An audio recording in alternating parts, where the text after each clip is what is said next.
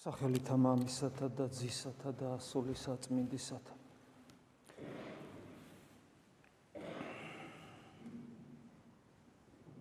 ძალიან ცოტა დრო გვაცილებს აღდგომამდე. ძალიან მაგრამ ეს ცოტა ძალიან მნიშვნელოვანია. მნიშვნელოვანი დღეებია ძალიან. განსაკუთრებული დღეებია. მსგავსი დღეები საეკლესიო კალენდარში არ არის. და ვისაც ერთხელ მაინც მეტნაკლებად პასუხისგებლობით და გულითადად გაულია მე გულისხმობ არა პურზე და წყალზე დაждდომას არამედ მეტნაკლებად სახურებებზე დასწრებას ვისაც რა თქმა უნდა ყოფითი ყოფითი მდგომარეობა საშუალებას აძლევს. სახურებებზე გულისხმობ ზიარებას და შესაბამისად თანამონაწილეობას აი ამ დღეებთან.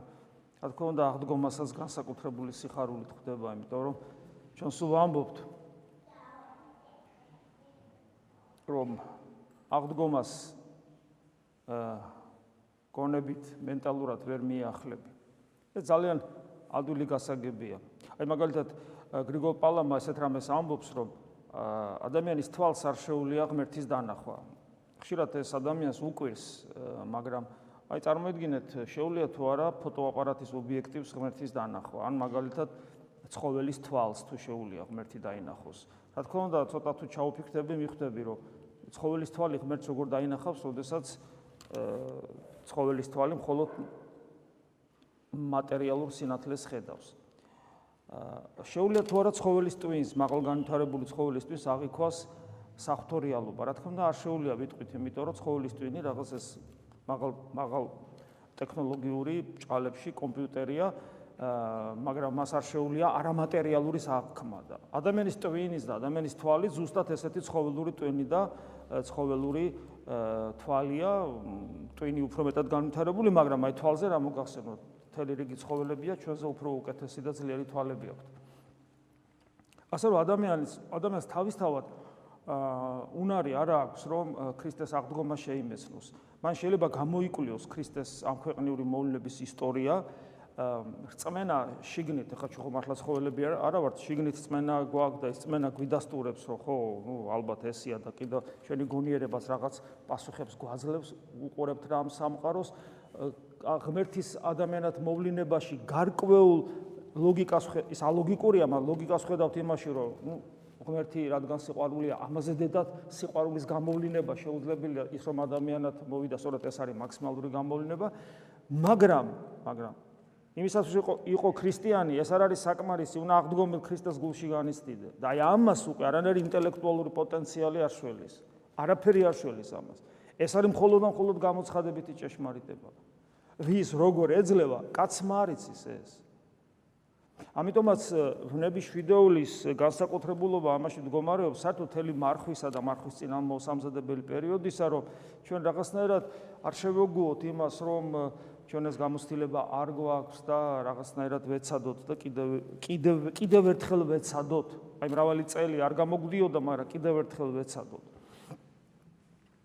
ამიტომ რა თქმა უნდა ეს დღეები განსაკუთრებულია და ბუნებრივია განსაკუთრებულია დღევანდელის დღე, როდესაც ჩვენ უნდა ჩვენი თავისათვის დასამოძღვრად გამოვიყენოთ დღევანდელი დღე ბზობას გულისხმობ ამ უფლის დიდებით შესვლას იერუსალიმში და ჩვენ ხედავთ რომ უფალი თავს ავლენს ამ დღევანდელ დღეს უფლის მსახურება დღევანდელ დღეს. ღმერთი ადამიანად მოვიდა იმიტომ რომ იმსახუროს მან იმსახურა მისი მსახურება სხვადასხვანაირი. აი დღევანდელ დღეს მოდის იმისათვის რომ მან იმსახუროს როგორც მეფემ.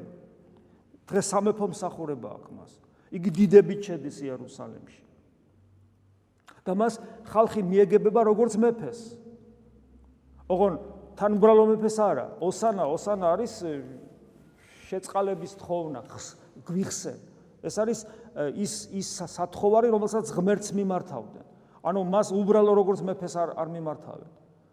გესმით, ეს განსაკუთრებული სიდიადით ხდებიან. ამიტომ არიან გამძვინვარებულები იქ ფარისევლები და ციგნობრები და ის ღმერთთავრები როცა ხედავენ აი ამ ღვთაებრივ პატივს მის მიმართ მაგრამ ჩვენ ხო ვიცით რამდენიმე დღეში რა მოხდება? იგივე ხალხი რომელიც ქრისტეს სამეფო დიდებით ხდება იგივე ხალხი იყვირებს ჯვარსაცუ ჯვარსაცუ ეგ. რა მოხდა ამ ხალხში? და მოხდა კი საერთოდ რამე. აი ჩვენ რომ ყოფილიყავით იქ რა იქნებოდა ნეტავ ჩვენ თავს რა იქნებოდა ნეტავი ჩვენ თავს? თქო დაუშვათ და შევხვდებოდით მას როგორც მეფეს.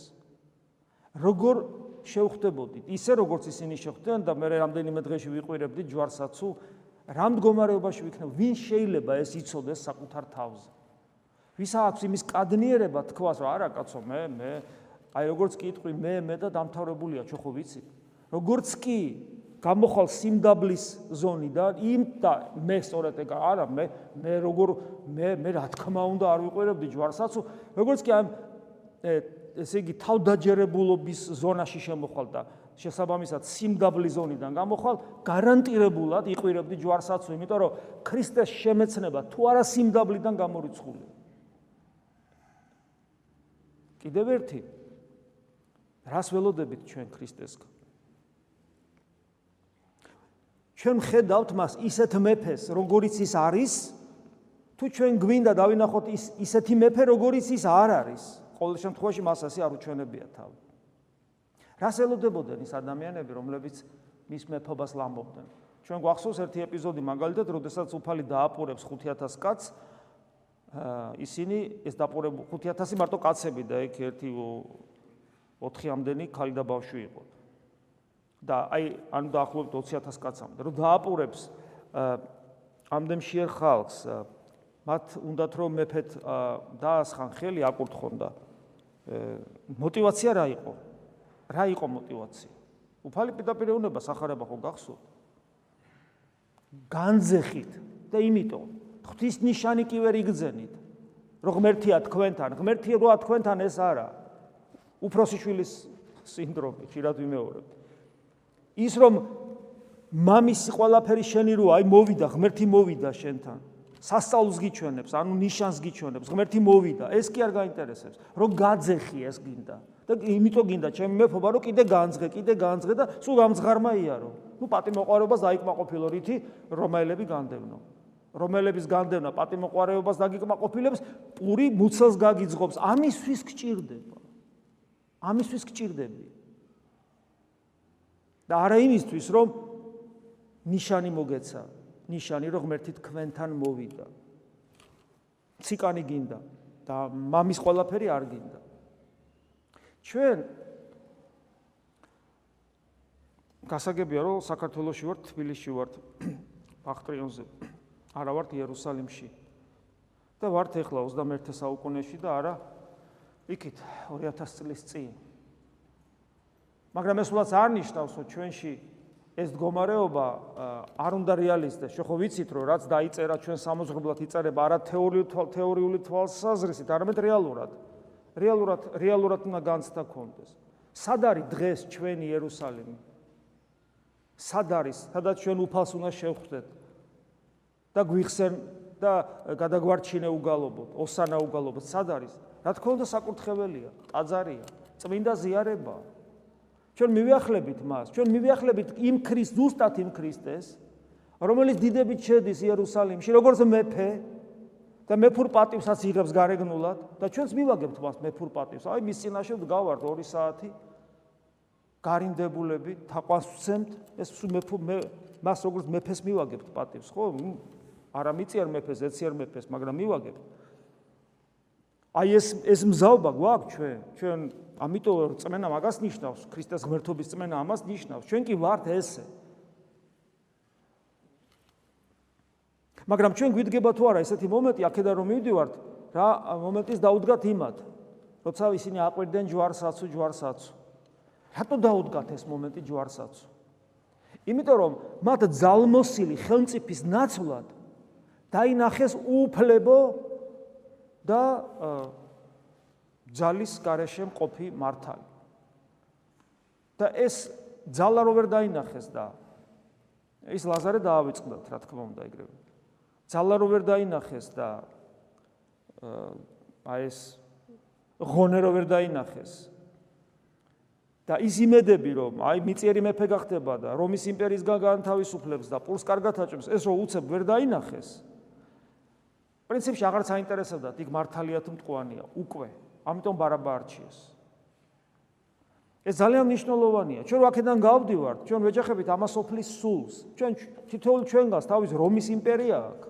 ну საქართველოს ხო გვაქვს და ყვავს და ყვავს რომის იმპერია ჭtildeოეთით, მაგრამ ჩვენ თითოეულ ჩვენგანს თავის რომის იმპერია აქვს. და ისე არა მარტო ჭtildeოეთით, თუ კარგად გავახილთ თვალებს. თითოეულ ჩვენგანს თავის რომის იმპერია აქვს და თითოეულ ჩვენგანს თავის განსაცდელები აქვს. და თავისი პრობლემები აქვს, რომლის მოგვარებაც ჩვენ გვინდა ვინმა მოგვიგვაროს ეს პრობლემა? ჩვენ რო შეგვიძლებოდა ხო ხო აქამდე მოვაგვარებით? და რამდენი პრობლემა გვაქვს ჩვენ ცხოვრებაში? მოუგვარებელი დღეს. რატო არა გვაქვს მოგვარებული? ჩვენ არ შეგვილია, რო შეგვიძლებოდა მოვაგვარებით. აბა ვინმა მოგვიგვაროს? ახრისთვისანა, რისთვისა ვარ? მან უნდა მოგვიგვაროს უფალმა. უფალმა უნდა მოგვიგვაროს ჩვენ პრობლემები, ჩვენ ეს ამბიცია გვაქვს. ჩვენ ხო მისი შვილები ვართ. უნდა მოგვიგვაროს. და ეს უსამართლო წნეხი რომის იმპერია როა სიმბოლო მაგისი რომელიც ჩვენ გულს და ჩვენს პატივ მოყარეობას და ჩვენ სიმართლეს წნეხავს იქიდან გაგვანთავისუფლოს ბოლოს და ბოლოს აბა აბა აბა როგორ იქნება ეს და რამდენჯერ ყოფილა ჩვენ ცხოვრებაში როდესაც ხედავთ რომ აქ კი ვიდექი მე რამდენიმე საათი მის წინაშე როგორც მეფის წინაშე და ვეუნებოდი ოსანა ეს ანუ გვიხსენ შეგვიწყალე დიდება შენ და უფალო ყველაფერი ერთდროულად მივიახლებოდი ვეზიარებოდი ვაღიარებდი და გავდივარ და ჩემი პრობლემები ისევ მწნეხავს, ჩემი რომის იმპერია ისევ ისევ მდრგუნავს. გესმით, ჩემი ჩემი პატიმოყარეობა ღირსობას რო უწოდებ, ისევ შელახულია. გესმით, ჩემი ეგოიზმი ისევ არ არის გაფუფუნებული. მე რაც მინდა, ისევ არ გამოდის. და რამდენჯერ ყოფილა ჩვენს გულში? საყვედური, დრტვინვა და კითხვა, რატომ? ხშირად გვითხოვს, რომ კითხვა რატომ? ქრისტიანი ამ კითხვას წესით გასაგებია რომ ყველა სუსტები ვარ და ყოველას დაგვისვავს ეს კითხვა მაგრამ წესით ქრისტიანი კითხვას რატომ არ სვავს არასოდეს. არ არის ეს ქრისტიანის კითხვა. იმიტომ რომ ამ რატომს პასუხი რო არ ეცება გაეცება მე მოყვება დრტვინვა წუწუნი და შემთხვევებიც ხო არის კაცო ეს განსაკუთრებული შემთხვევებია რა თქმა უნდა მაგრამ არის შემთხვევები როდესაც პირდაპირ იშვერენ ხელს და მასაბრალებენ მაგრამ ეს განსაკუთრებული შემთხვევა როცა არ არის, სულაც არ ნიშნავს, რომ ყველაფერი კარგად არის. იმიტომ რომ ადამიანს გული უგრილდება სულიერი ცხოვრებისადმი. ადამიანს ებეზდება ზიარება, ბეზდება ლოცვა, ბეზდება წმინდა წერილი, ბეზდება ქრისტიანობა, ბეზდება ქრისტეს ერთგულება სოციუმში. როდემდე უნდა უერთგულ, როდემდე უნდა მიუშირო მეორე ლოყა, როდემდე უნდა ვაპატიო, როდემდე უნდა ჩავყლაპო, როდემდე უნდა და ასე შემდეგ და ასე შემდეგ. ბეზდება ადამიანს, იმიტომ რომ ناقობს ვერ ხედავს, იმიტომ რომ ناقოფი მისთვის ერთადერთია, გათავისუფლდეს მისი გული რომის იმპერიისგან. კარგად ჭამოს, გაძღეს და პრობლემები მოუგვარდეს. ის პრობლემები, რომელსაც თვითონ ვერ აგვარებს. აი თავი და ბოლო ეს არის ჩვენი ქრისტიანობის. ამიტომაც აი ეს ოსანათი დახვედრა და მე ჯვარს აცუ, ეს ჩვენზია. მარტო იმაზე არ არის, ვინც ეს გააკეთა. ეს ჩვენზია, ჩვენზე რომ არის, ამიტომ გვეკითხება ყოველ წელს, მუდამ გვეკითხება ეს ეკლესიაში. ეკლესიაში რომელიც სვეტი და სიმტკიცეა ჭეშმარიტების. აი ეს არის. ანუ ჩვენში არის სარწმუნოებრივი პრობლემა. ჩვენ რელიგიური ადამიანები ვართ და ღმერთის არსებობის გვიჯერა, მაგრამ ჩვენში არის სარწმუნოებრივი პრობლემა გულისხმობ ქრისტიანულ სარწმუნოებას, არა სხვა რამეს. ამის მაგალითი უამრავი გვაქვს, როდესაც არ ვიცნობ ადამიანს მოდის და ვეკითხები. აი რა განსხვავება შენ ხარ ქრისტიანი, აი ვიღაცა სხვა ქრისტიანი არ არის. აი ამიხსენი, რა განსხვავება შენ წმენასა და სხვა ადამიანის წმენას შორის, რომელიც არ არის ქრისტიანი და სხვა რელიგიის წარმომადგენელია. და ამას მე ვეკითხები ხშირად ადამიანებს, რომლებსაც მრავალი წელი ეკლესიური ცხოვრების გამოცდილება აქვს. მათ ამაზე პასუხი არ აქვს. ძალიან ხშირად. მათ არიციან, რას ნიშნავს რომ იყო ქრისტიანი. ეს ავტომატურად უკვე ნიშნავს, რომ ჯვარსაცუს მდგომარეობაშია. უკვე ავტომატურად ნიშნავს, იმიტომ რომ ქრისტიანული რწმენა სხვა რამეს გულისხმობს. ჯვარცმულის ერთგულებას, ქრისტეს წყლების ტარებას გულისხმობს ჩვენში და ყველაფერი დანარჩენი, რაც ჩვენ გვენიჭება, სასუფეულის ნეტარება, სასუფეულის სიხარული, ამ ქვეყანაზევე განცდა ღმერთის შვილობისა, ამ ქვეყანებას, ამ ქვეყანაზე განცდა სასუფლების მოქალაქეობისა და ქრისტეს მიერ მოტანილი მარადიული სიცოცხლის გულში ტარება და ეს სიცოცხლე თავად ღმერთია ჩვენში დამკვიდრებული აი ეს ყველაფერი იმის მერე იწება იმის მერე იწება. რაც ჩვენ ვაცნობიერებთ, რომ უბრალოდ რელიგიური ადამიანები და მორწმუნეები კი არა ვართ. ქრისტიანები ვართ, ადამიანად მოსული ღმერთის შვილები ვართ. ადამიანად მოსული ღმერთის შვილები ვართ, რომლის ადამიანობასაც ჩვენ უნდა მივუბაძოთ. ეს არის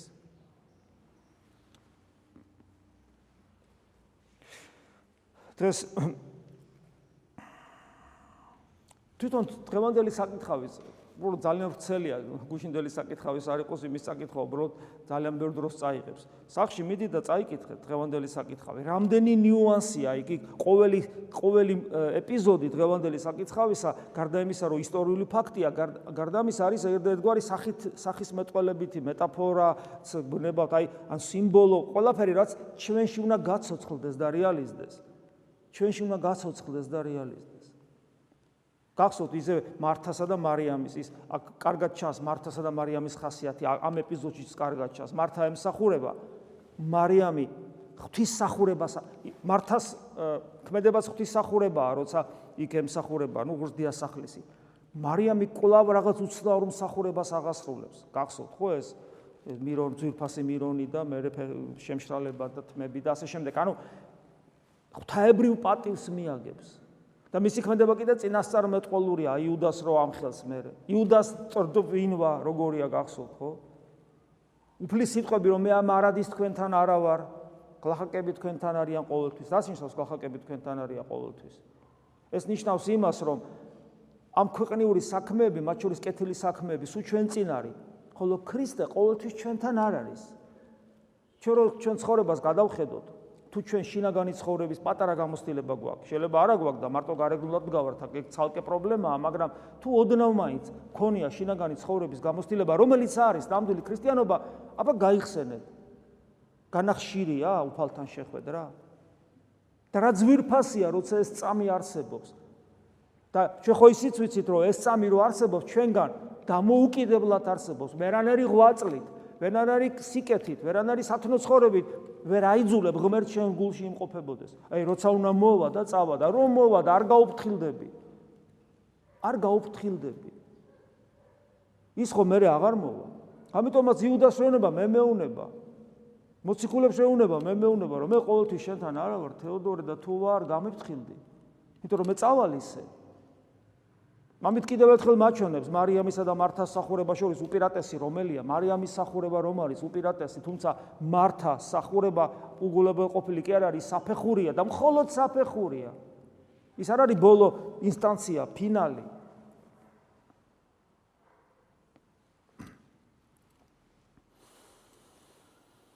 აი ესია. ძალიან ბევრი საინტერესოა ამ ასეთ დროს სახარებებში, ძალიან ბევრი სიღრმეა, უბრალოდ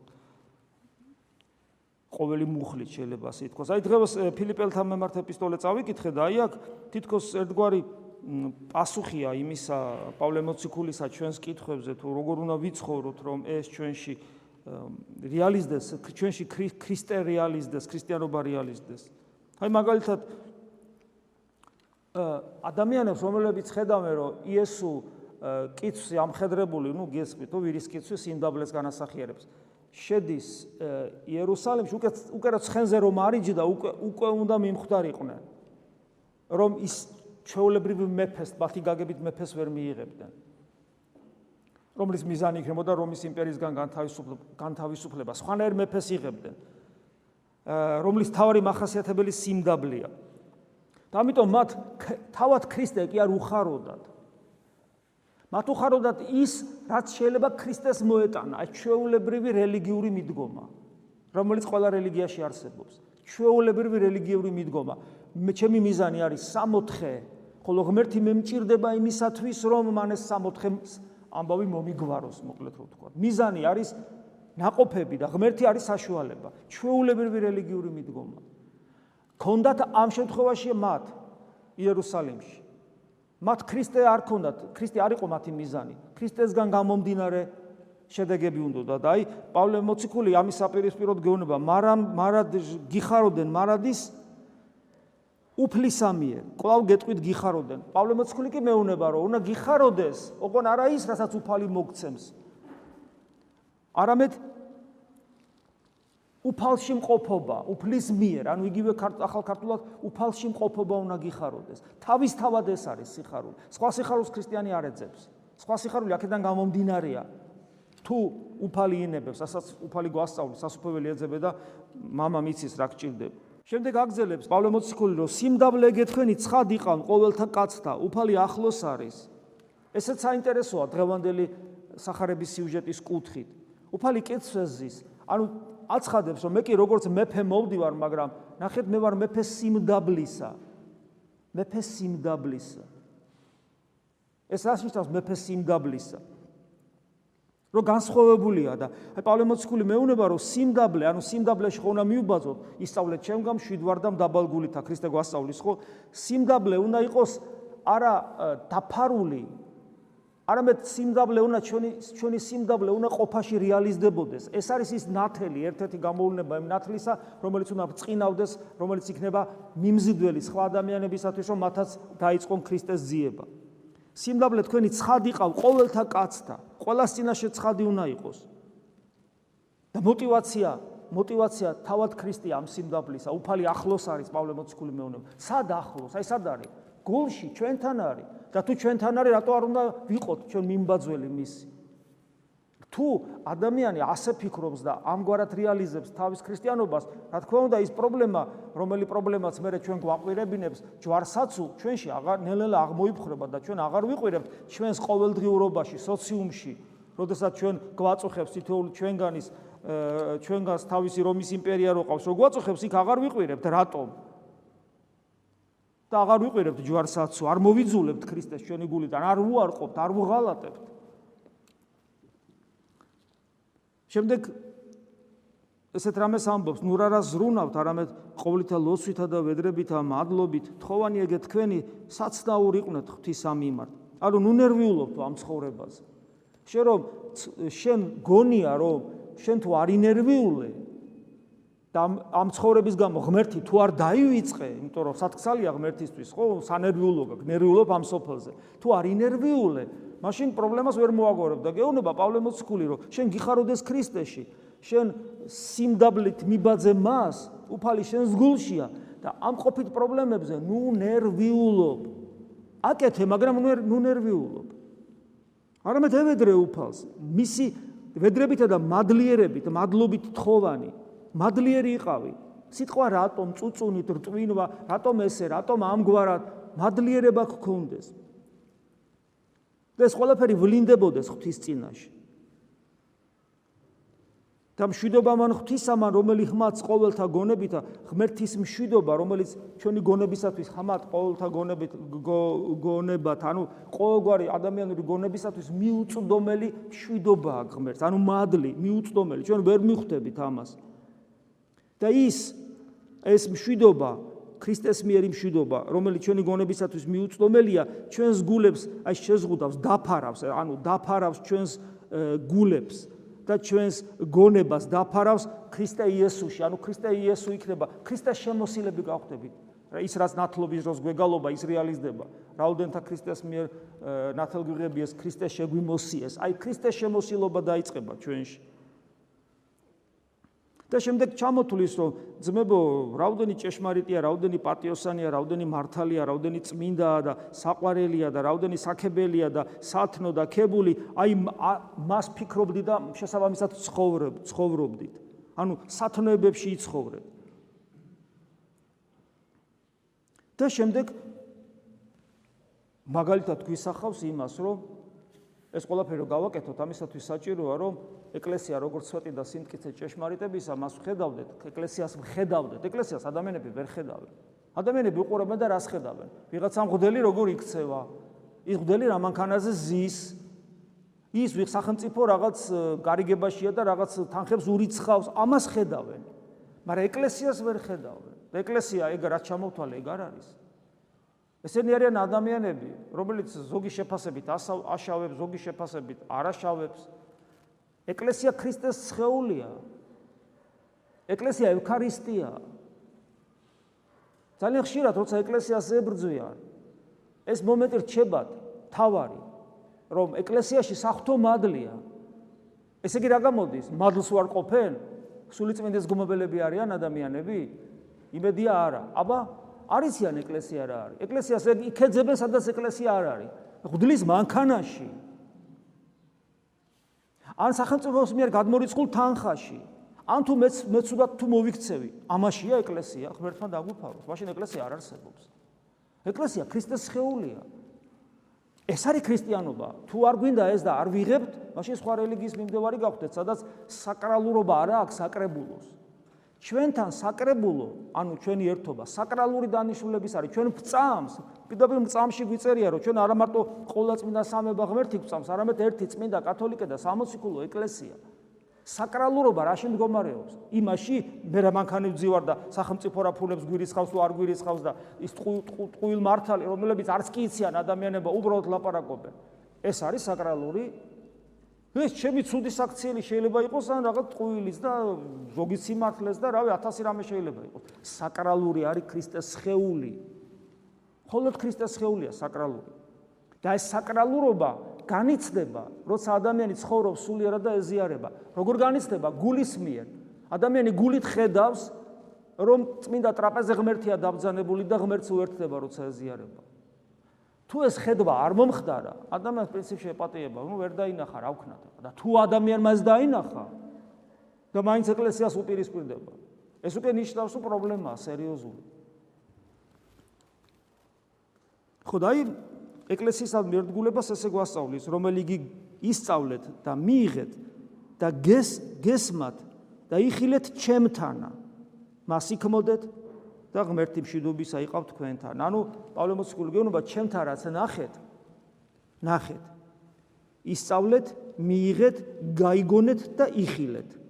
ოთხ რაღაცას ამბობს. ეს ყველაფერი ჩემთან რაც გააკეთეთ, აი აგრე მასე ცხოვრობდით. ეს არის, რა თქმა უნდა, პავლე მოციქული ამ შემთხვევაში გამოხატულება ეკლესიისა, გარეგანი გამოხატულება ეკლესიისა ადამიანი, რომელიც წმინდაა, რომელიც სრული სისავსით ავლენს ქრისტეს შეეულობის ყველა თვისებას და ნიშანს.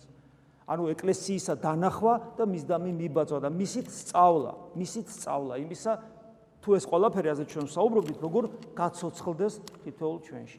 აი ეს არის ბზობის დღესასწაულის არსი, ძალიან მოკლედ და ძალისაებრ ჩვენი ცოდვის, ცოდვილი ბუნებისა და გონების ძალისაებრ გადმოცემული. და არა ის რომ ბზაის რამდენი ტოტი წავიღოთ, რომელსაც კვირტი აქვს თუ არა აქვს.